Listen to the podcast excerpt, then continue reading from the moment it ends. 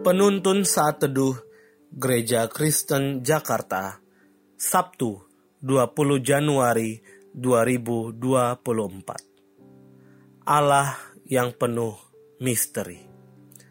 Roma 8 ayat 28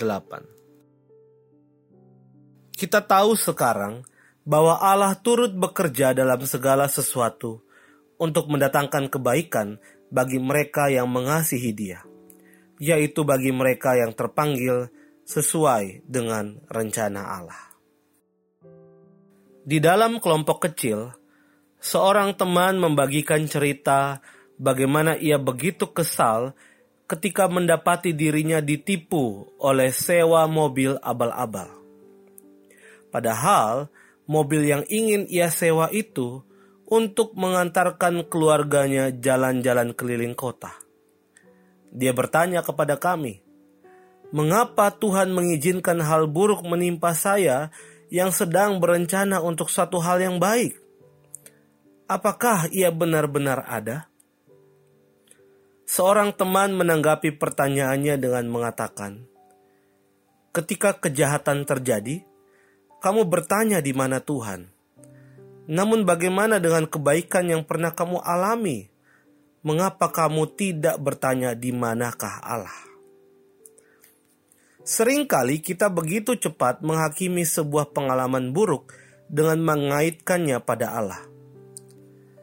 Ingatlah bahwa Allah tidak pernah merancangkan hal buruk. Bahkan apa yang kita pandang buruk itu sedang mengerjakan hal yang indah dalam hidup kita. Maka itu firman Tuhan mengatakan bahwa Allah bekerja dalam sesuatu entah itu baik atau buruk. Tapi bagi orang yang beriman padanya, tahu bahwa itu bukanlah akhir cerita.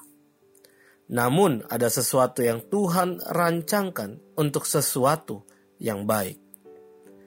Di dalam kehidupan kita mengikut Yesus, kita tidak boleh menjadi orang yang egois.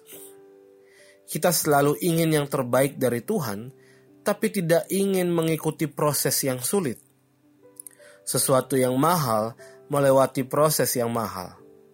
Emas tidak akan bisa menjadi barang-barang yang indah jika tidak melalui pembakaran dan pemahatan.